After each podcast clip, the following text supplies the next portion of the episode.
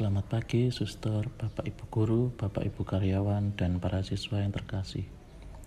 Sebelum kita mengawali aktivitas kita sepanjang hari ini, marilah kita sejenak meluangkan waktu untuk berdoa dan mendengarkan sabda Tuhan. Marilah kita berdoa dalam nama Bapa dan Putra dan Roh Kudus. Amin. Tuhan, terima kasih Engkau telah menghantarkanku di pagi hari yang baru ini. Aku mohon kepadamu Perbaharuilah diriku di hari yang baru ini, dan ampunilah segala kesalahan yang telah kuperbuat sepanjang hari kemarin, baik lewat perkataan maupun dalam perbuatanku. Bimbinglah aku ya Tuhan, agar aku selalu dekat dengan Dikau dan jalan bersamamu. Aku sadar ya Tuhan bahwa aku bagian dari ciptaanmu yang banyak kelemahan dan kekurangan. Karenanya aku mohon genggamlah tanganku agar aku dapat memulainya dalam dikau dan menyelesaikannya juga di dalam dikau. Amin. Marilah kita mendengarkan sabda Tuhan.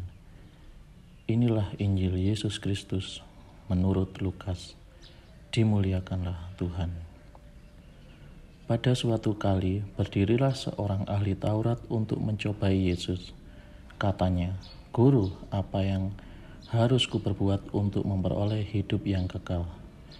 Jawab Yesus kepadanya, "Apa yang tertulis dalam hukum Taurat? Apa yang kau baca di sana?"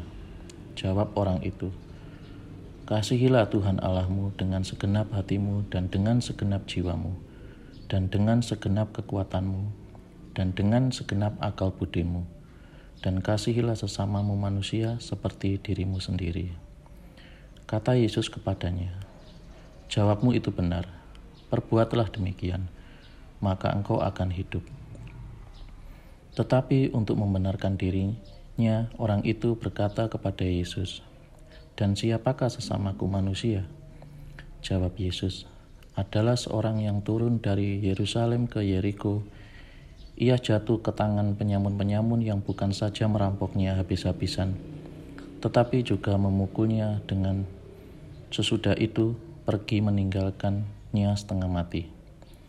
Kebetulan ada seorang imam turun melalui jalan itu. Ia melihat orang itu, tetapi ia melewatinya dari seberang jalan.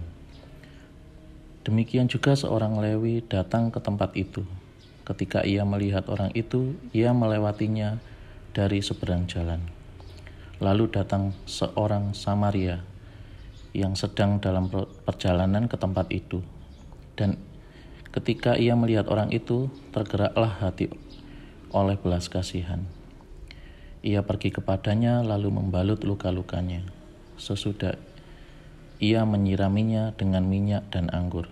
Kemudian ia menaikkan orang itu ke atas keledai tunggangannya sendiri, lalu membawanya ke tempat penginapan dan merawatnya.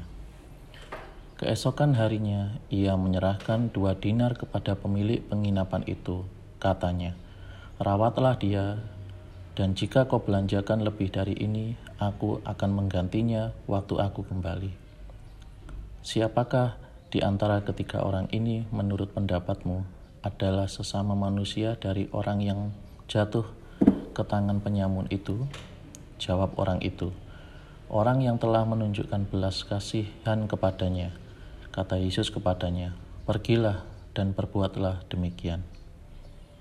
Demikianlah Injil Tuhan. Terpujilah Kristus.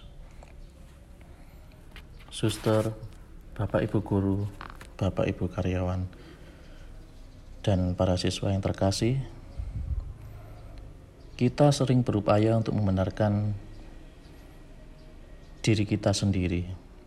Pembenaran diri merupakan sebuah mekanisme self defensive atau pembelaan diri.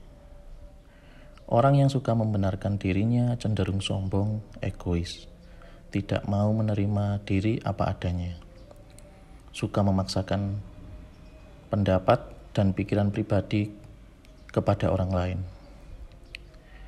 Orang yang suka membenarkan dirinya juga cenderung tidak terbuka, kurang jujur, dan kurang menghargai sesuatu atau sesama.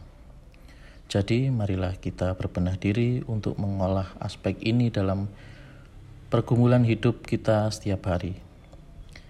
Kita juga memohon kekuatan Tuhan melalui Bunda Maria, sehingga kita dapat menjadi seperti orang Samaria di zaman modern ini. Amin. Marilah kita berdoa. Aku mengasihi Engkau, ya Allah, dengan segenap hati dan dengan segenap jiwaku, dan dengan segala kemampuanku, sebab Engkau adalah kasih. Bantulah aku mewujudkan kasih akan dikau dengan mengasihi sesama seperti aku mengasihi diriku sendiri.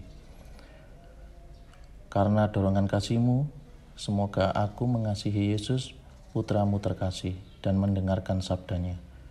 Berilah aku rahmat supaya dapat melaksanakan perintah-perintahnya, yaitu mengasihi saudara-saudaraku, sebagaimana Yesus sendiri telah mengasihi aku.